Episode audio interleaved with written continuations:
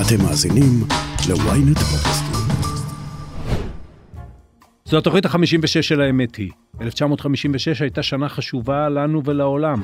קראו בה מלחמת סיני, ההתקוממות בהונגריה, שדוכאה ביד הברזל של ברית המועצות, והנאום של חרושצ'וב, שהוקיע את פשעי סטלין. ב-1956 גם שיחקה ישראל נגד הרוסים ברמת גן. אף אחד לא יודע כמה צופים הצטופפו באיצטדיון וקפצו כשסטלמך נגח את שער השוויון, אבל 56 אלף הוא מספר לא רחוק מהמציאות. 56 משחקים עם חבטה אחת מוצלחת לפחות, רשם ג'ו דימג'ו ב-1941. יותר אמריקאים זוכרים את זה מאלה שיודעים שהיה בעלה השני של מרילין מונרו. אז כל אחד וסדרי העדיפויות שלו, אנחנו נתחיל. האמת היא, עם עופר שלח. עם עופר שלח. על פי סקר של המכון הישראלי לדמוקרטיה, רק 29% מהציבור נותנים אמון במשטרה, שזה בערך שליש מאלה שנותנים אמון בצבא. זה אולי לא מפתיע, גם מפני שרובנו פוגשים במשטרה בעיקר בנסיבות לא נעימות, וגם מפני שבשנים האחרונות היחס למשטרה הוא בכלל לא שאלה של כמה פשיעה היא מונעת או מפענחת, אלא מאיזה צד של המתרס הפוליטי אדם נמצא. הרבה פחות אנשים מודדים את המשטרה, שהיא בלי ספק ארגון חיוני לשמירה על חיים תקינים שבהם לא נבלע אחד את השני, לפי פרמטרים מקצועיים. האם היא עושה את עבודתה היטב? האם צריך להשקיע בה יותר? להתייחס אליה אחרת? רוני אלשיך הגיע למשטרה אחרי קריירה מרשימה בצה"ל ובעיקר בשירות הביטחון הכללי, שם טיפס כמעט עד לראש הפירמידה. אולי יותר מכל מפכ"ל לפניו, הוא מצא את עצמו בלב הסערה, שממקדת את כל תשומת הלב ביחס למשטרה בשלושה תיקים ונאשם אחד. אבל בשיחה שלי איתו לא יוזכרו לא בנימין נתניהו, לא תיקי האלפים או היועץ המשפטי לממשלה. היא תעסוק במה שחשוב באמת. מה צריך לקרות כדי שתהיה לנו משטרה טובה שמשרתת אותנו. רוני אלשיך, שלום. שלום וברכה. אני בשאל שאלה משונה, משטרת ישראל היא משטרה מספיק טובה? אני חושב שהתשובה היא לא. אוקיי. ואני חושב שצריך לחזור לראשית הצירים כדי להסביר מדוע. כן. אה, קודם תגיד לי, ב, ב, כשאתה אומר את זה, אינטואיטיבית, ב, ב, לשאלה אינטואיטיבית, למה אתה מתכוון? זאת אומרת, כי טובה, איך אתה הגדרת כמפכ"ל ואיך אתה מגדיר היום משטרה טובה? אז אני בכוונה רוצה להחזיר אותך לראשית הצירים, כי אני אוקיי. חושב okay. שמשטרה טובה של מדינה תלויה בהגדרת המשימה שלה, המקובלת גם על המנהיגים של המדינה. ונדמה לי שמאז קום המדינה, אה, האחרון שהבין, הראשון והאחרון שהבין מה זה משטרה זה בן גוריון. ואני אומר את זה בצורה מאוד... הראשון והאחרון שהבין הרבה דברים. אוקיי. אבל אני רוצה לחלוק עליך, רגע, רגע, אבל רגע. אני רוצה לחלוק עליך כן. מהמשפט הראשון. אוקיי. מי שקובע אם המשטרה טובה או לא זה האזרחים, לא המנהיגים, לא? אני חושב שלאזרחים יש תפקיד אה, גם במסר שמעבירים לשוטרים, שמופנם על ידי השוטרים, ולפעמים הוא מסר לא טוב ומעוות, אבל אני חושב שקודם כל צריך להסכים, אה, אה, צריך להיות איזה מין הסכמה של ההנהגה, מפני שיש לזה משמעויות מרחיקות לכת, גם בדרך שבה מתקצבים משטרה, מתכננים משטרה, עוזרים בעצם למפכ"ל למלא את תפקידו. ופה אני, אני עושה פה חלוקה כמובן בין המשטרה ובין השוטרים. אוקיי. Okay. כן, ליבי עם השוטרים. אני אה, אה, בדקה הראשונה שהגעתי למשטרה פשוט התאהבתי בשוטרים. כי אני חושב שמגיע להם אה, הרבה יותר הערכה, בוודאי בסד האילוצים שהם אה, פועלים בתוכו, ממה שמאן דהוא נותן להם. כן. עם כל הבעיות ועם כל הקשיים וכולי וכולי. אז כדי שלא הובן לא נכון, אני מניח את זה כרגע בצד, ועולה רגע לרמה הפילוסופית. אני אגיד לך איפה הבעיה ואיפה גם לאזרחים כמובן יש תפקיד. אה, אה, אנחנו משטרה שהמסר הציבורי אליה זה אם לא תאכל יבוא שוטר. אוקיי. זאת אומרת, בעצם המסר הציבורי, וזה גם המסר של, של המנהיגות, שלא ממש מבינה איך נכון להוביל משטרה, או מה צריך לצפות ממשטרה.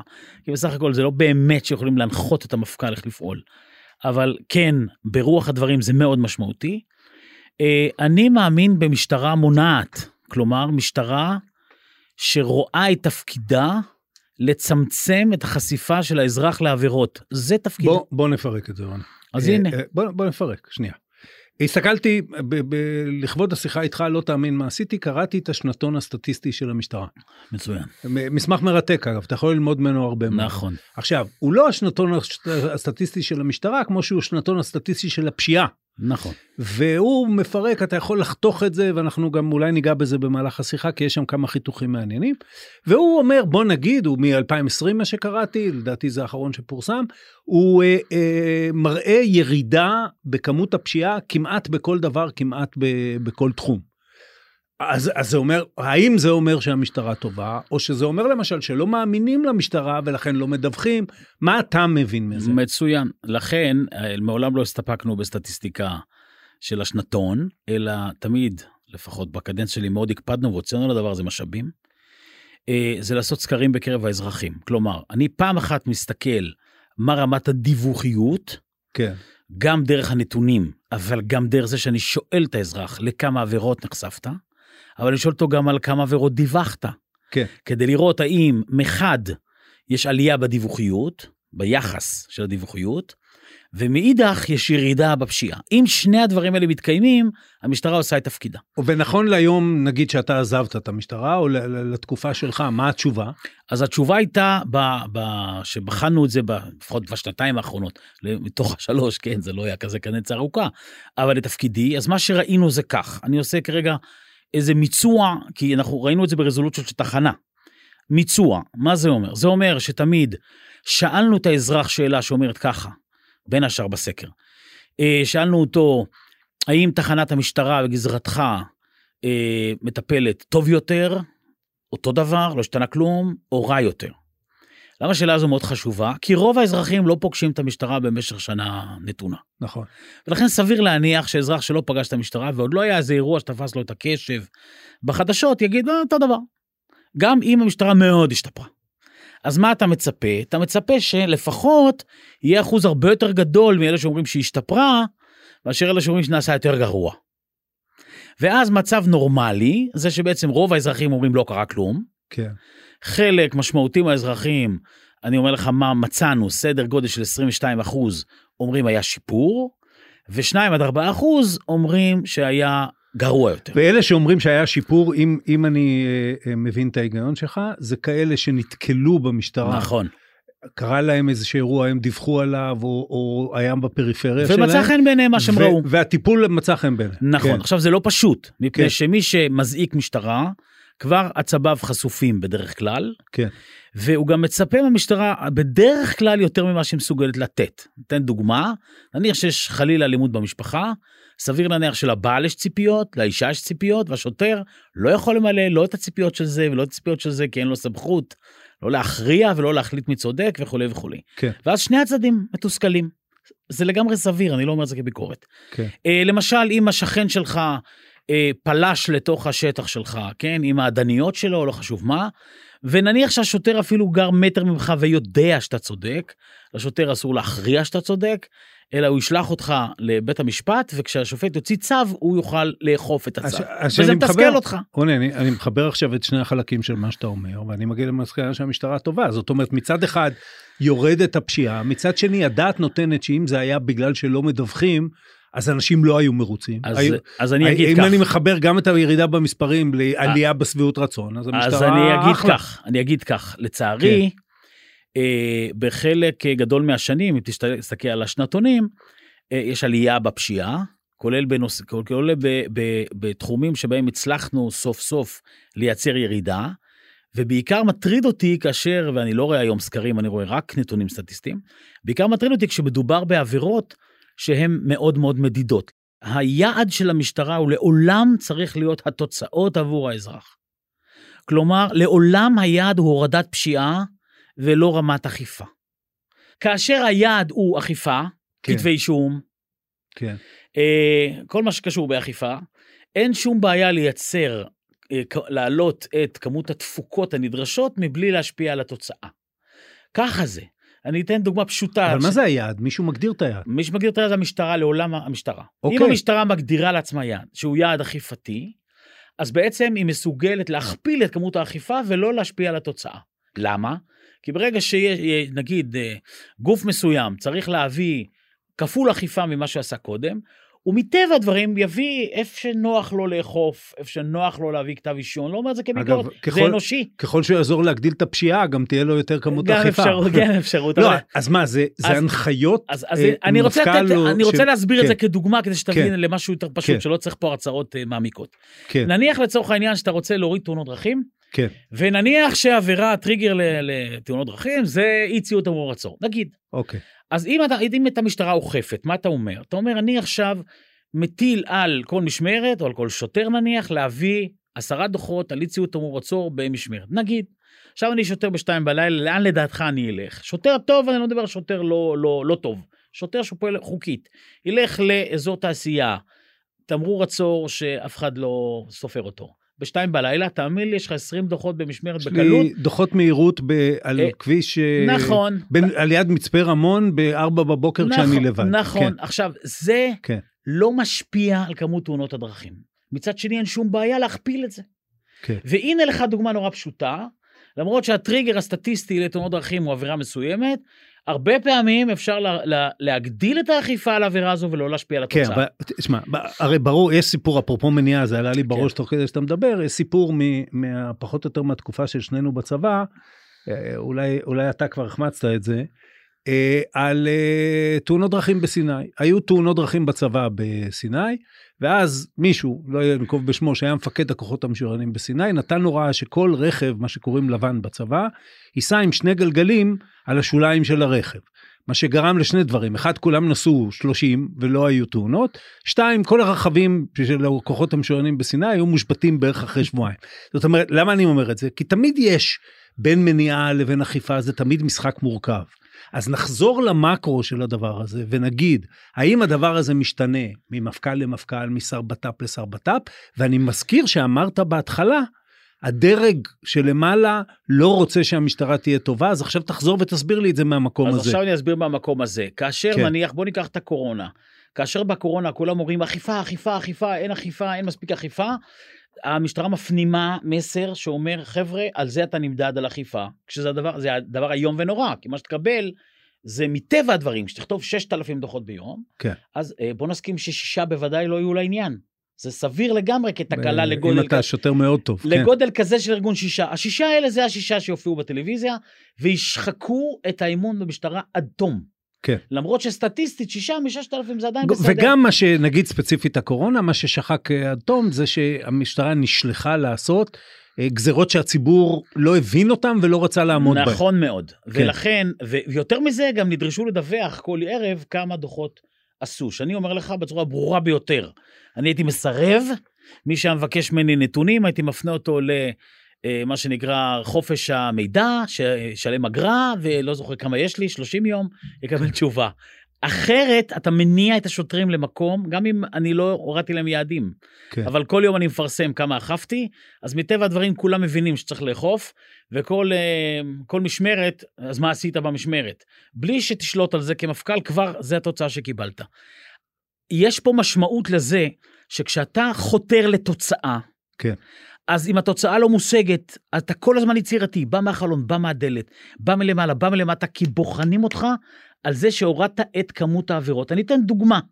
בוא ניקח דוגמה מעולם של עבירות של אזרחים נורמטיביים, אחרי זה מעולם של פשיעה. נגיד אזרחים נורמטיביים. אה, יש בעיר במרכז הארץ, שהיו בחזית שלה, בחזית של כמה, שלושה בניינים, נדמה לי, שני ספסלים, שייצרו כל יום 15 עד 10, 10 עד 15 קריאות 100 על עבירות רעש. אה, מה היית מצפה שיקרה, נכון? אז נגביר את האכיפה, נכון? בואו נכתוב דוחות. ו... במקום זה הורדת את עכשיו, הספסלים. עכשיו, זה לא אני הורדתי, זה לא אני הורדתי. כן. יש, מפ... יש מפקדת תחנה, שבאופן יצירתי שאלה את עצמה רק שנייה, על מה אני נמדדת? על עבירות הרעש, נכון? אני רוצה שיהיה, ש- להוריד את עבירות הרעש. עכשיו, היא לא יכולה להוריד את הספסלים, זה לא שאלה, זה של העירייה. אז היא, מה שהיא עושה עכשיו, זה קודם כל בודקת מה עושים עם הספסלים האלה בשעות האחרות. מסתבר שהקשישים יושבים על הספסלים האלה בבוקר, לא ניקח להם את זה, נכון? רוצים ליהנות מהגינה. ואז בעצם במשך שלושה שבועות, בתיאום עם הרשות כמובן, פירקו את הספסלים והרכיבו אותם בבוקר בחזרה. זה כמובן עתיר השקעה, אז בנו מנגנון, שהמנגנון הזה עולה על הספסל בלילה, אי אפשר לשבת עליו, ובבוקר בפקח פותח. אתה רואה שאנשים יצאו מגדרם, כן. כי מה שמודדים אותם בסוף זה על התוצאה. למה התוצאה חשובה? כי זה השירות לאזרח. אתה כאזרח, אכפת לך כמה כתבי אישום הוגשו? אכפת לך כמה דוחות נכתבו? ממש לא, אתה רוצה לישון. זה כל כן. מה שאתה רוצה. כן. עכשיו, אם המשטרה בסוף כתבה 6,000 דוחות ואתה לא נרדמת בלילה, אז מה, איזה שירות נתן לך ברור. בעצם השוטר? ברור. יפה. בוא ניקח עכשיו פשיעה, כן? כי אתה אומר, רק שנייה אחת, יש מניעה מצבית של פשיעה? אז הנה דוגמה. נגיד שיש, אה, לא נגיד, כולנו מכירים, אחת הבעיות הקשות זה סלולרים בחוף הים. כן. זה דבר גניב, מעצבן, אף אחד לא נכנס עם הסלולר היקר שלו ל, לים, למרות שכתוב שזה נגד מים, לא כתוב, המים גם נגדו, וזה מים מלוחים. המים לא קראו מה שכתוב. בדיוק. ולכן אף אחד לא נכנס לים. אז מה הוא עושה? שיטת המגבת, שיטת השקית, קוברים את השקית, שמים את השוונץ בחוץ, בחול, כל מיני פטנטים של start-up nation, הכל יפה.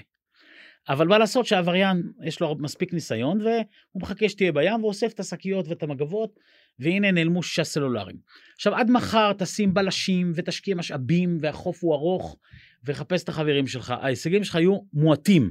אז יהיה לך בסוף ראיות לשניים, שלושה, ארבעה, זהו, סטו, לא השפעת על התוצאה. אוקיי. אבל אם תלך לעירייה ותשכנע אותם לשים לוקרים ומצלמה, פתאום מסתבר שהנתונים ירדו בצורה משמעותית. ברור. אז זה, הש... זה מניעה. עכשיו, זה מרכיב אחד. להשיג את התוצאה זה מרכיב אחד. הדבר השני, שהוא לא פחות חשוב, ברגע שאתה משטרה מונעת את השוטר אחר, באוריינטציה שלך, אתה משטרה אוכפת את השוטר אחר באוריינטציה, אני אסביר את זה. וגם איך שהאזרח רואה אותך. כן, כן, אבל בוא אני אסביר כן. איך זה נראה. נגיד שאני משטרה אני- מונעת, כשאני נוסע בניידת, כן. אני רואה בח- דרך החלונות שלי לקוחות. כשאני משטרה אוכפת, כשאני נוסע בניידת, אני רואה דרך החלונות שלי מושאי אכיפה. יחי ההבדל הקטן, מה הגישה בין השוטר לאזרח, בין האזרח לשוטר. אנחנו- האם באתי אנחנו- לשרת אותך, או באתי למצוא איזה עילה לכתוב לך דוח. מאה אחוז, רק אני, רק אני השוטר, אה, ואני כורע תחת אה, העומס. אני, אני, נתחיל, בוא, בוא נדבר קצת אה, קודם כל על משאבים. אה, במדינת ישראל יש משהו כמו קצת למעלה מ-32 אלף שוטרים. זה ל, ל, לנפש שיעור זעיר יחסית למדינות אה, שאין להן בעיות כמו טרור או זה כמו שלנו. למה אין יותר? אין יותר מפני שאין שום מפתח בשום מקום שמבטיח שכאשר נולד לך ילד או נכד, אז מישהו כבר ייצר את השוטר שייתן לו מענה. אין כזה מפתח. ויועץ המשטרה כל הזמן רודפת אחרי הזנב. יותר מזה, כאשר ערים סוף סוף עושים הסכמי גג, ומביאים את כל משרדי הממשלה תחת חסות האוצר לעשות uh, סדר. וכש- כדי לבנות, כן. כדי לבנות משהו בצורה מסונכרנת עם כל משרדי הממשלה. אני בקדנציה שלי פניתי לאוצר, אמרתי, אני מבקש לראות איפה המשרד לבט"פ. אפילו סטטוטורית, לא, לא ייעדו שטח ל, ל, למשטרה, לשיטור קהילתי, לשום דבר. המשמעות של הדבר הזה, שמתי יקראו למשטרה, אחרי שהפארק יהיה מוכן, ויהיה בלתי נסבל בלילה, ויש שם הומלסים, וכולי, וכולי, אז יגידו, גוואלד, אין משטרה, טה טה טה טה. זה לא סביר, כי בעצם, אם מישהו היה מבין שבסופו של דבר כל אזרח צריך שוטר, שיתייחס אליו, שיקבל את התלונה שלו, שישמור עליו, שיעשה מניעה וכולי וכולי, באיזשהו מפתח סביר, אני מדבר כרגע על המשטרה הקלאסית, כן. לא על, על ההיי פוליסינג, לא על המשטרה, אה, שהיא המשטרה האכיפתית, ה-433, הימ"רים, היל"פים, לא מדבר על זה. כן. קצת, שם אפשר להתייעל, זה לא פר בן אדם. כן. שם אפשר כל הזמן לעשות יותר מתוחכם. אבל אין מה לעשות, מה? נוכחות ובולטות בשטח, אין לה תחליף. האוצר לא מבין את זה? האוצר אה, לצערי, אה, לצערי לא מבין את זה. אה, הוא, לא, הוא גם לא מבין שכל שקל שאתה שם על המשטרה, אם המשטרה עושה את הדבר הנכון, והיא משטרה מונעת, כל שקל שאתה שם, מחזיר את עצמו לקופה באותה שנה. באותה שנה. רק דמיין לעצמך כמה עולה היום פצוע במגזר הערבי, הרוג במגזר הערבי, רק כמה זה עולה לקופת המדינה, עזוב כמובן ברמה המוסרית, שכמובן אנחנו צריכים לטפל בזה. כן. אני כבר לא מדבר על תאונות דרכים וכולי וכולי. בסוף יש אה, עלויות ישירות ועקיפות שמדינת ישראל יש לה אינטרס לצמצם. אה, ואם מישהו היה מבין את זה, היה מבין שהוא צריך כשאתה- פעם אחת לגבש תפיסה. אגב, את, את השיחות התקציביות מנהל כן. המשרד לביטחון פנים? לצערי או, כן, או... לצערי כן? כן, לפחות כן. בקדנציה שלי היה לי מאבק, אבל השר התעקש לנהל את השיחות אה, בעצמו. כן, היו לזה אה, השלכות חמורות, שנה אחת זה הצליח לו והבאנו לא מעט משאבים. תכננו ביחד, אבל הוא ניהל את המשא ומתן. שנה אחרי זה אה, הוא כבר אה, עשה תקלה גדולה במשא ומתן. אה, אבל בשורה התחתונה, בסוף צריך עצמאות של המשטרה בתכנון. לא יכול להיות שמשרד הביטחון היה מתכנן לצבא. אתה מדמיין דבר כזה? אה, יותר מזה אני אגיד לך, אני חושב שכן במקרו, היה מקום שלמשל יהיה בחוק איזו מדיניות שאומרת כמה משאבי מניעה צריך להשקיע. כן. כי, כי כשהמשטרה תהיה מתוחה, שלא זה הדבר הראשון שירד. כן, אנחנו לא עושים את זה, אתה יודע, אנחנו לא עושים את זה בבריאות, יגידו לך אותו דבר, אני- אם אנשים יאכלו בריא, אני- יהיו פחות חולים. אני מסכים איתך, אבל יש הבדל בין מה כן. אני משית על הפרט לעשות, כן. בין מה אני כמדינה יכול לעשות לצורכי מניעה. כאשר יהיה שוטר בגן הילדים, יהיו פחות עבריינים. נקודה. שיהיו קציני מניעה בבית הספר, יהיו פחות עבריינים. אוקיי, כ- כאשר המשטרה תטפל בנוער בסיכון בצורה אפקטיבית בכל פינה בארץ, יהיו פחות עבריינים. וכל הדברים האלה, יש להם הצלחות מוכחות. מה קורה כאשר אין? מקצצים אותם. לוקחים את השוטר הקהילתי, מוציאים אותו לעשות, אה, לעשות אה, שיטור אחר, והקהילה בסופו של דבר, אוקיי, אה, השוטר הזה שיש לנו במספרים קטנים מדי, האם הוא מוכשר כראוי לתפקידו? אה, השוטר היה, אה, בוא נאמר ככה, התפקיד של השוטר בשטח, שוטר סיור, תפקיד שלעולם לא תספיק ההכשרה לו, כן? אז אנחנו משלימים עם זה. צריכים מדי פעם לספוג, מדי פעם השופט כועס, כי באמת השוטר הזה, אתה מצפה ממנו להיות חדר מיון של בן אדם אחד או שניים, 24/7, כשהמומחה לא יכול לבוא מהמחלקה. לא, אני הבנתי למשל שבגלל בעיות אה, כוח אדם, היום היום- פרקי ההכשרה מתקצרים, ובעצם זורקים עכשיו- אנשים לשטח. מה שקורה עכשיו זה כן. איום ונורא, כן, אנחנו נשלם עליו מחיר כבד ביותר. אה, אני העברתי את המסר הזה. אה, אני לא חושב שמישהו מהווטרנים של המשטרה אה, חושב שזה, שזה מהלך נכון, עם כל המצוקה. מדוע? מפני ששוטר שנמצא בשתיים בלילה לבד, זה הפנים של המשטרה וזה איכות הטיפול של המשטרה. אין שם מ"מ, מ"פ, מג"ד, מח"ט, אין דבר כזה. כן. בסוף שוטר זה מקבל החלטה. במקרה הטוב יש עוד שוטר מנוסה לידו, במקרה הרע זה יכול להיות אה, ומה שח"מית שקורה עכשיו וכולי. זה ששולחים אנשים שהם לא מוכשרים, לא לא- הוכשרו מספיק לא לתפקידם. הוכשרו ויהיו תקלות גם מבחינה משפטית, מפני שלשלוט בכל המטריה, גם ככה כמעט בלתי אפשרי, ואנחנו בעצם מעמיסים על השוטר צורך להיות מומחה בכל דבר. אני מדבר על שוטר הסיור כרגע, לא כן. שוטר בחקירה. כמעט בכל נושא, וזה מאוד מאוד קשה. שבע, שבעה שבועות זה, זה חלטורה.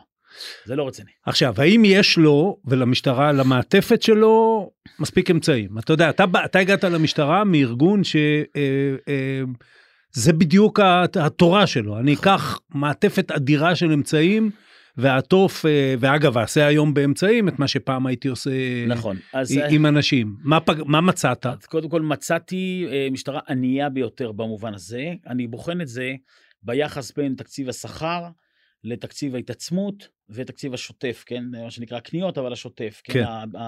התפעולי, כן? כן. אה, בעצם בתקציב ההתעצמות היה, היה עלוב. אה, כן תן הצלח- לי סבר את אוזני. סדר גודל של, אה, הציגו לי שלושה וחצי אחוז, הראיתי להם שזה אפילו לא שניים וחצי. כי סופרים למשל תחזוקות טכנולוגיות בתור טכנולוגיה. לא, סליחה, זה שוטף, זה קיום, כן? כן. זה מה שבלשוננו כן. קיום. כן. אה, אז בסדר, שניים וחצי. הצלחנו להרים את זה קצת, מפני שאני התעקשתי שכל שוטר חדש שנכנס למשטרה, וקיבלנו אלפי תקנים, כל שוטר חדש אה, עבור המגזר הערבי, כל התחנות שבנינו וכולי. כל שוטר חדש שנכנס, מביא איתו תקורה יותר שמנה. ואז בעצם פיזרנו אותה על פני המשטרה. יש לזה קיט, כאילו, אתה אומר, אה, אין אה, שום מודל. שוטר בא עם אוקיי. 1, אז- 2, 3, 4? אז לא, פשוט זה היה אחוזים. כמה כן. עולה לי השוטר, כמה אחוזים בתקציב הוא צריך לגרור יחד איתו. אוקיי. אה, ושוב, לקחתי את זה אה, כפשרה גדולה, כי מה שהוא הביא זה מה שצריך עבור כל השוטרים, אבל זה יתקבל רק עבור השוטרים החדשים, פיזרנו את זה. צריכים להבין רגע, שוטר שנכנס, מעמיס על משאבי המחשוב של המשטרה, מעמיס על, על כל. על כן, כן, אוכל, לזה זה, התכוונתי הכל דבר. בקיט, לא משהו שהוא מחזיק יפה, פיזית. ביד. נכון. כן. ולכן, אה, ולכן, אתה שואל אותי, המצב הוא רע מאוד. תוסיף על זה שמיד עם פרישתי, היה בשנת 19, אני פרשתי בדצמבר, אבל כבר הקיצוצים היו ברורים, כי אם אתה זוכר נכון, את תוכנית 19 סגרו בתחילת 18 כדי לייצר משילות. את אה, תקציב. את תקציב כן, 19, כן. אז מיד הבנו מה הולך לקרות ב-19. קוצצו מאות מיליונים של שקלים מהמשטרה, שזה לא מאות מיליונים מהמיליארדים המיותרים שיש לה, אלא מהכלום שיש לה. ובסופו של דבר, ושוב, שלא יגידו לך, אבל יש להם תקציב 12 מיליארד, זה נכון, אבל הכל שכר, זה לא... אגב, זה 32, לא שההשוואה בין אה, שוטר, כן. שוטרים לחיילים היא קצת אה, תפוזים ואשכוליות, כי אין למשל אה, חיילים פשוטים בקבע. אבל מכיוון שאני מכיר את המספרים של גם של אנשי הקבע וגם של שכר הקבע, אה, אה, זה לא הרבה כסף גם לשכר. אז קודם כל אני מסכים, אבל הרבה יותר חמור זה בסוף מה נשאר לך לצרכים של כן. ההתעצמות. יש תחנות משטרה שלא סביר להכניס לשם אזרחים עדיין, וזה בלתי נסבל. התחנות החדשות שנבנות הן לגמרי בסטנדרט. אבל אה, יש תחנות משטרה שזה פשוט ביזיון, שככה הן נראות, שלא לומר נקודות משטרה וכולי וכולי. מילא, אה, טכנולוגיה, הפערים הטכנולוגיים של המשטרה. כן. רוב המהפכות הטכנולוגיות שעשינו, היו, לא רוצה להגיד ב-no money, אבל עשינו כל מיני מהפכות שלא באמת עולות הרבה כסף. היו כמה דברים משמעותיים שעשינו שיש להם משמעות תקציבית, ואני, ואני גאה בכך, מצלמות הגוף, אה, מוקדי 100 חדשים, אה, היו, אבל זה לא פרויקטי הענק שארגוני הביטחונים עושים, אה, ובסוף גם למשטרה יש, יש גם פלטפורמות יקרות, מה לעשות, יש לה ספינות, ויש לה מסוקים, ויש לה, זה דברים שמעמיסים בצורה מאוד משמעותית אה, על התקציב. אני חושב שהפער הגדול זה בעצם הגמישות של המשטרה לתת מענים לעצמה, טכנולוגיים, לשמור על מלאים, ולא כל פעם שמגיע מפכ"ל שאכפת לו, אז הוא מתחיל להשלים מלאים על חשבון התקציב, כי הוא מבין שהוא לא ערוך לחירום. ונדמה לי שקרה משהו בתקופה האחרונה, כי אני חושב שעשינו המון כדי להשלים מלאים, ועכשיו אני שומע שיש, שיש בעיה, או שצה"ל צריך להירתם בשביל להעביר אה, אמצעי הפרות סדר למשטרה, כן. נראה לי קצת, קצת נראה לי מעליב. אה, וכולי וכולי, אה, אה, זה לא יכול להיות, משטרה צריכה להיות, אני זוכר שהגעתי למשטרה, היו סיירים שלהם פנס. מישהו מדמיין לעצמו סייר שפועל בלילה ואין לו פנס, זה, זה, זה ברמה של, של מעליב. עשינו הרבה בשביל הדבר הזה, אבל בשנייה זה כזה יכול לחזור חזרה, כאשר תקציב פתאום מקוצץ וזהו ואין. אז אה, אה, אה, שלא לדבר על רמת האימון, כי אם מקצצים אימון ושוטר יורה פחות, אז הוא גם יפגע פחות, או חלילה יפגע במי שלא צריך לפ- לפגוע, כן. וכולי וכולי, או לא יפעיל נשק בצורה לא מיומנת. אלה דברים שהם כסף קטן יחסית, ועדיין המשטרה מאוד מאוד רעבה בו. שזה זה מ- מביא לשאלה הכללית, כי יש מילה בשפה העברית אה, החדשה שאני לא מת עליה, כן. אבל במקרה הזה היא, היא נשאלת השאלה אם היא לא מוצדקת, וזה המילה מוחלש. בדרך כלל כשאומרים על אה, מישהו שהוא מוחלש, הכוונה היא שהוא חלש, אבל זה לא נעים להגיד. האם משטרת ישראל היא מוחלשת בכוונה? אז אני כתבתי, אה, אולי לפני שנה, אולי קצת יותר, מאמר תחת הכותרת, הפרויקט שהצליח יותר מדי. ויכול להיות שהמטרה של ההחלשה של המשטרה לא הייתה כדי שיקרה לנו שומר החומות, או כדי שיקרה לנו אירוע מירון, או כדי שיקרה לנו אירועים קשים כאלה, אף אחד לא התכוון לזה, אבל התכוון להחליש את המשטרה כדי שהיא לא תטריד את מי שצריך להטריד. המחיר הוא לרוחב כל המשטרה. תסביר לי, תסביר לי איך החלשה איך- של המשטרה, נגיד בהיבט של חקירות בכירים, שהרי על זה אתה מדבר, אם בסוף... מחלישה את היכולת לאכוף סדר היות בלוד. ולא מחלישים שם את המשטרה, אלא מחלישים את המשטרה בזה שלא שמים למפכ"ל למעלה משנתיים, כן. אז uh, מה לעשות, זה, זה על כל הארגון. הרי בסוף, עם כל הכבוד, מפכ"ל עסוק בחקירות בכירים, ב, לא יודע מה, 2%, 3%, 4% מ- מהקשב שלו. נכון, כל השאר יש לו עוד משימות. נכון. ואם בסוף אין תוכניות אסטרטגיות כי אין כסף, אה, אין מינויים, כי יש חורים גדולים בכל מיני כאלה שהם אה, ממלא מקום וכולי וכולי וכולי. אין החלפות של אנשים ואז אין מטאטא חדש שכל הזמן מרענן את השורות, אלא אנשים כבר ארבע שנים וחמש שנים, תפקידים שוחקים, וכבר לא יעשו שינויים ולא יעשו התאמות.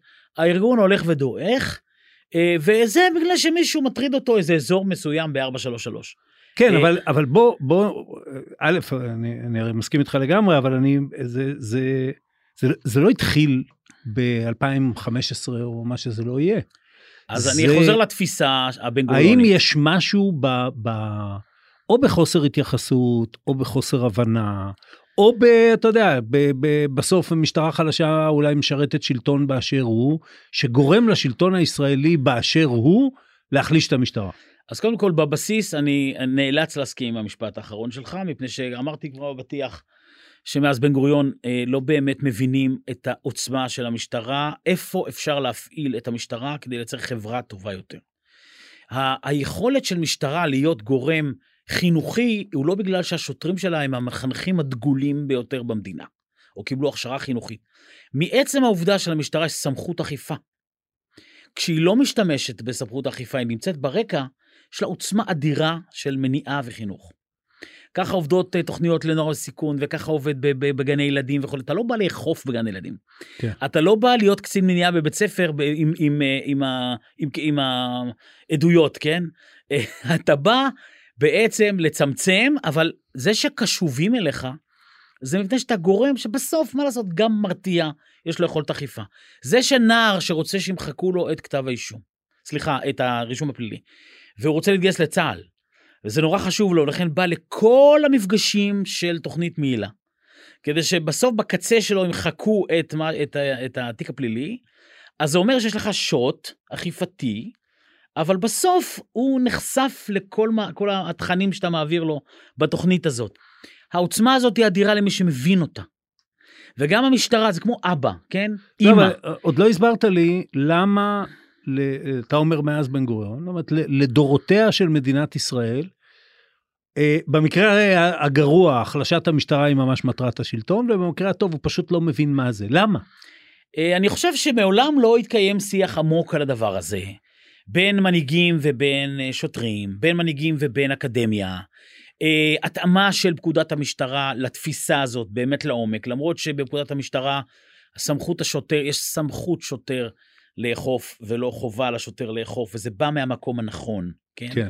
והמילה מניעה מופיעה לפני אכיפה גם בפקודת המשטרה. אבל זה לא פותח למשל לכדי הגדרה כמה אחוז מהתקציב חייב ללכת לבם בם בם. אה, אם מישהו היה מבין כמה חשוב לסנדל את המשטרה, אני אומר את זה בצורה הכי ברורה, ואני מכיר את זה פשוט ממשטרות אחרות בעולם, כל הזמן כן. ups and downs. בא מישהו ומחליט שזה מספיק חשוב, ואז בא מפכ"ל אחר שמחליט שזה לא מספיק חשוב וזה נעלם. אוקיי. והחברה משלמת על הדבר הזה. אם, אם מישהו היה מקבע את זה ואומר, זאת תפיסת מדינת ישראל וזאת תפיסת המחוקק, בסדר?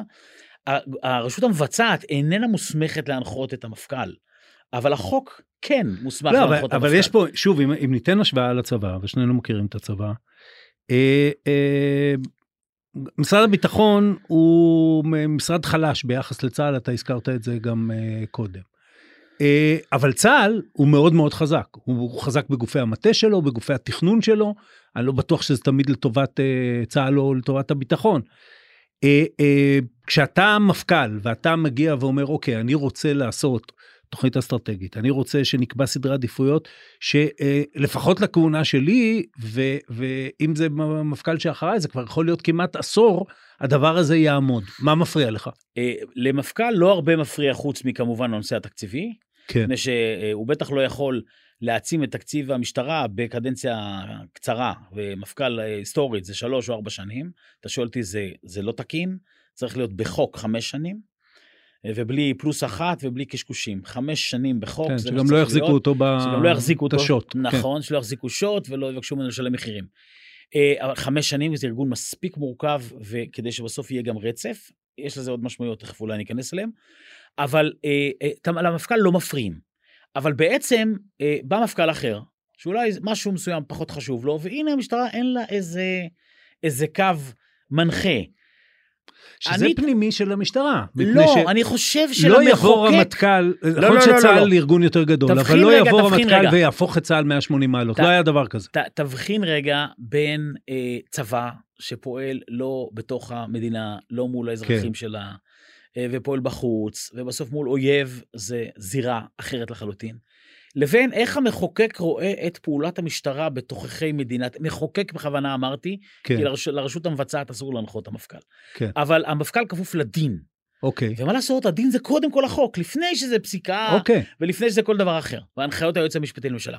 אז הוא כפוף לדין. אם המחוקק היה רואה לנכון להיכנס לעומק ולהגיד איך הוא תופס משטרה במדינה דמוקרטית, באיזה דברים היא חייבת לטפל, איזה אחוז מהתקציב היא צריכה להפנות למה, הוא יכול היה לקבע את זה בחוק, כדי, כדי, כדי להגיד, ואז אתה תהיה- כמפכ"ל היית מקטר מפה ועד הודעה יכול. להיות, יכול כן. להיות, אבל זה בכלל לא משנה. כן, בסוף, כשאני מסתכל על המקרו, עם כל הכבוד לרצון שלך תמיד להיות חופשי ומאושר, שאף אחד לא יגיד לך מה לעשות, כן. כשאני מסתכל על המקרו של מדינת ישראל, אם אני אזרח, אני כן הייתי רוצה שתהיה תפיסת שיטור במדינת ישראל, ש, שגם אפשר ללמד אותה בבגרות באזרחות, בבית הספר, וכולם יבינו רגע מה תפקידו של השוטר, במה מתעסקת המשטרה. לצערי, מפגשיי כמפכ"ל עם מורים לאזרחות, אה, הייתי די מאוכזב מאיך שמלמדים מה זה משטרה. טוב, תקשיב לפודקאסטים פה על מערכת החינוך, אתה תבין. איפה ראית משטרה טובה בעולם? בוא נאמר ככה, קודם כל אני, אה, קשה לי להגיד שאני בזה שנחשפתי למשהו מסוים אז הוא כזה מושלם, כי אתה בסוף, אתה יודע, שיש לו בפנים, אתה לא מבין. כן. אבל התחושה שלי זה שהתפיסה הבריטית, אוסטרלית, היא, היא, היא בכיוון נכון. אה, כתפיסה, יכול שהיא להיות- מאוד חזקה בקהילה, נכון? שהיא מאוד חזקה מתחילה בקהילה. לפ- מהבובי. ל- כאילו. נכון, לפעמים עד כדי אקסטרים, כי למשל השוטרים לא חמושים. כן.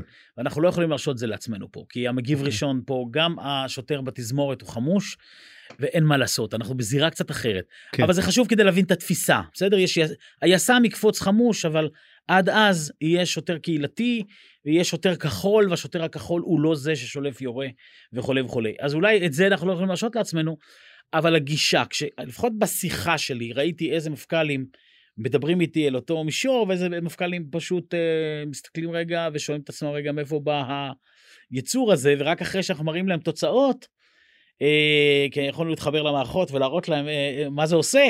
כי, כי במערכות שלנו אפשר היה לראות לא רק את הסטטיסטיקות, אלא את הקשר בין כל פעולה כן. לתוצאה, את הקשר, את המתאמים הסטטיסטיים. כן. שאגב, על המערכת הזאת ועל התפיסה הזאת שגיבשנו, גם קיבלתי פרס האגודה הישראלית לקרימינולוגיה, וגם נסעתי לארה"ב ל Hall of Fame, להיכל התהילה של evidence based policing, לפני חודשיים, כדי לקבל פרס.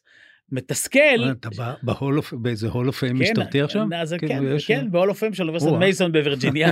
אוקיי. זה לא כמו כדורסל, כן? זה לא כן, כזה זה- מכובד כמו כן, כן. כמו כדורסל, אבל זה נחמד להיות. באיזשהו Hall of Fame. אבל זה מתסכל שבעצם מכירים בזה באקדמיה בצורה מאוד אה, ברורה, מפני שבמבחן התוצאה, כלומר, כשאתה בודק את זה עם קבוצות ביקורת וכולי וכולי, במבחן האקדמי, כולל ביקורת עמיתים, שאתה בוחן את זה, אז, אז מסכימים, נכתבו על זה מאמרים, אחרת זה לא יכול היה להתקבל שם. אה, ומצד שני, כל משטרה כאילו קמה בבוקר ואומרת, רגע, מה נעשה, וכאילו כאילו אין לה מאיפה ללמוד. אז זה, זה בהחלט מתסכל. אני חושב שברמה התפיסתית, לא במה נעשה עם מופר או עם דני, ברמה התפיסתית יש למחוקק מה לומר, ובשביל זה צריך לשבת על המדוכה ולהסכים. מה התפיסה שלנו, שמתאימה לנו, לתרבות שלנו, למורכבות שלנו וכולי וכולי, ואת חלקה צריך לקבע. כי לא יכול להיות התזזית הזאת, שבסוף לא מאפשרת אה, ללמד את האזרח, אתה לא מדבר פה עכשיו על, על אויב חלילה. האזרח קם בבוקר רוצה להבין כן. מה זה שוטר, מה זה תפקידו, זה מייצר את השיח שוטר-אזרח רלוונטי, כזה שהסכמנו עליו. זה לא יכול להיות גחמה של המפכ"ל הזה או המפכ"ל. ההוא. היי, אני יובל מן. ואני אושרית גנאל. בעולם הטכנולוגי של היום צריך שמישהו יעשה קצת סדר. הצטרפו אלינו לרפרש, פודקאסט הטכנולוגיה של ynet. בכל שבוע נדבר על מה שחדש ומעניין בעולם הדיגיטלי. רשתות חברתיות, גאדג'טים, המצאות חדשות, וגם הפוליטיקה של חברות הענק. חפשו רפרש בוויינט או באפליקציית הפודקאסטים שלכם. שני נושאים ספציפיים לסיום. אתה בעד גיוס חובה למשטרה? לא. למה? אני, אני נגד נחרץ, השיטה הזאת נועדה לחסוך אה, עלויות של כוח אדם.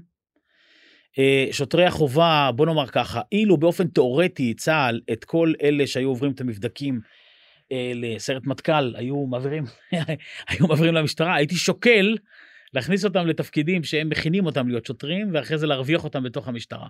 מטבע הדברים זה לא ככה, אתה לא מקבל את הכוח האדם הכי טוב שיש לצה"ל לא, אתה לא מקבל בשיטה הנוכחית. ב, ב, אני, אני אתן לך את ה- את ההצדקה לזה, כן. א', מכיוון, גם מהכיוון הצבאי, שאני מתעסק בו הרבה, מחזורי הגיוס במדינת ישראל גדלים, צה"ל לא צריך אותה, לא צריך אותה. יש איכויות, צה"ל משחרר היום בדרכים כאלה ואחרות אה, כמות מאוד גדולה של אה, אנשים. אה, אם יעשו מפתח של רשויות, ואני הייתי גם, כשהייתי בוועדת חוץ וביטחון, הייתי בתוך הדיונים האלה על הימ"לים והריבים הגדולים. הימ"לים זה יחידות מחוץ לתקן, למי כן. שלא מכיר, לא, אתה יודע, אבל אה, המאזינים שלנו לאו דווקא. אה, אם יעשו את זה, ב- ב- לא כל מי שהולך, גם לא כל מי שהולך סיירת מטכ"ל הולך לקריה, כן? שמתאים לסיירת מטכ"ל, אבל אם יעשו את זה ברמה ראויה של איכות, וזה יאפשר נגיד שיטור קהילתי כזה כמו שאתה, שיטור חקלאי, שיטור קהילתי כמו שאתה מדבר עליו, זה יכול להיות או שזה עקרונית לא יכול לעבוד? אז אני אגיד כך, אה, זה יכול לאפשר למשטרה להפעיל אותם במקומות שבהם הם לא נותנים מגע ישיר עם האזרח, אה, וב- ובהחלט אפשר להפעיל את ה... אה, מה שנקרא, ליהנות מהכישורים שלהם, הרלוונטיים, כן. באזורים האלה, לגמרי כן. זה יכול לעבוד במקומות שבהם עובדים במסגרות, כמו במג"ב, שאז יש מפקד עם לוחמים, וזה לא המקבל ההחלטה בקצה אל מול האזרח. אני לא מעלה בדעתי אה, שזה צריך להיות האידיאל של המגע עם האזרח, מפני שבסוף יש משמעות לאדם בשל, אה, עשה משהו, שניים וחצי דברים בחייו, והוא בסוף מקבל ההחלטות בשתיים בלילה מול אזרח, ובסוף הוא גם יודע להיות accountable למה שהוא החליט, וגם להגיד, עשיתי הפוך ממה שהנחו אותי, כי זה מה שהיה צריך לעשות. ברור, כי- עכשיו... אבל נגיד, כן, אני אגיד כן. עוד מילה, ב- כן. אה, אה, אני אגיד עוד מילה בעניין הזה. אה, בסיטואציה שבה היו דיונים כאלה מול הצבא, כי הצבא רצה לקצץ תקנים, אני הייתי בעד להיפטר מחלק מכוח האדם אה, הנוכחי שהצבא נותן, כדי להגדיל את כמות השוטרים שהם בחיכוך עם האזרח אה, בשטח. אה, לצערי, בסוף ההחלטות שהביאו לדבר הזה היו תקציביות. ברור. מהזווית התקציבית זה בוודאי לא נכון. ברור. אה, ו- ונושא, אתה נגעת בו בתוך כדי תנועה, אבל אה, כשכמובן אי אפשר להתעלם ממנו, זה המגזר הערבי. והסתכלתי שוב בנתונים של השנתון הסטטיסטי, כמה דברים אה, אה, תופסים לך את העין. קודם כל, כמות, יהיו עבירות, איך שאתה לא מחלק אותן, כמות בוודאי אה, יחסית הרבה יותר גדולה, במה שנקרא המגזר הלא יהודי בשנתון הסטטיסטי, אבל אגב, כמות, אני השוויתי כתבי אישום למעצרים. כתבי אישום עדיין ליהודים, חלקה של המגזר הלא יהודי הוא גדול מחלקו באוכלוסייה, אבל הוא עדיין נמוך מזה של היהודי. במעצרים, הרבה יותר במגזר הלא יהודי מאשר במגזר היהודי. עכשיו אני מחבר את זה ותגיד לי אם אני עושה חיבור לא הוגן.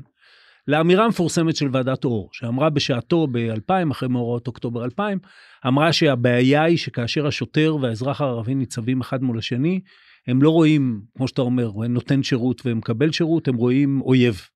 זה השתנה? זה אחרת היום?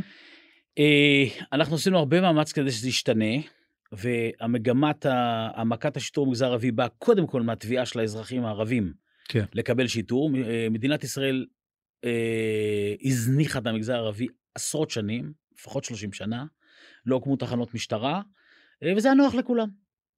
אה, כנראה גם היה נוח למגזר הערבי. לא לאזרח ב- הערבי הפשוט, זה היה נוח בשל- לפושע הערבי. בשלב, כן, מס- בשלב מסוים זה אפילו היה נוח לאזרח הערבי, כל עוד הפשיעה לא הרימה ראש. כן. כאשר האזרח הערבי התחיל לסבול בצורה מאוד קשה מהפשיעה פנימה, ובצורה מאוד קשה מתאונות הדרכים, כל עוד הם היו בתוך השטח של המגזר הערבי, התחיל תביעה לשיטור. לקח לפחות עשר שנים עד שהוכנו תוכניות, ואני זכיתי להשיק את ה... בוא נאמר, אחרי שהיו אורגנים וכל מיני דברים שהם לא רלוונטיים בעיניי, אבל לא ניכנס לזה, להשיק תחנות משטרה סוף סוף במגזר הערבי. תוכנית שש-שנתית, הייתה צריכה להיות חמש, האוצר התחנן לפרוס את זה על שש, הסכמנו, התפשרנו, העיקר להתחיל. ובסוף, אחרי שנה וחצי, אה, קוצצו כל הכספים. אה, הייתה רק תוכנית 17, תקציב 17-18. תוכנית זה יפה מאוד בהחלטת ממשלה, צריך להמשיך לתקצב אותה. וזה נעלם. אה, כשבנינו את זה, בנינו את זה עם אכיפה ושיטור. מדוע? אם אתה עושה רק אכיפה, אתה יכול להיות סופר מוצלח, נדמה לך, אבל נגיד שהצלחת. כן. אבל כל הזמן מיוצרים עבריינים חדשים. אם האזרח לא פוגש אותך בגן הילדים, בבית הספר, בשיטור הקהילתי, בתנועת הנוער, לא חשוב איפה, פוגש אותך, והיחס ששוטר אזרח זה לא אויב, אלא בעצם הוא מבין שבאת לעזור לו, ובאת לפתור בעיות, והתמקדת בדברים שהכי מטרידים אותו במניעה, אז אה, אחד, הוא לא ידווח לך, הוא לא יקרא לך, הוא לא ישתף איתך פעולה, הוא לא ייתן לך עדויות, הוא יפרק דיוויארים, ישטוף את השטח ויאסוף את התרמילים. כלומר, בסוף יש קשר בין הדברים. ולכן אם אתה לא רוצה לקצץ את הדשא מעבריינים, אבל כל הזמן צומח אותו גודל של דשא חדש, אלא אתה רוצה, עכשיו אתה נמצא ברמת פשיעה קשה, להילחם בעבריינות, אבל לדכא צמיחת העבריינים, אתה חייב לפעול בשני המישורים גם יחד. אין בדירוג, גם יחד. כי אתה גם רוצה אמון של האזרח הערבי כדי שהוא יתקשר למשטרה.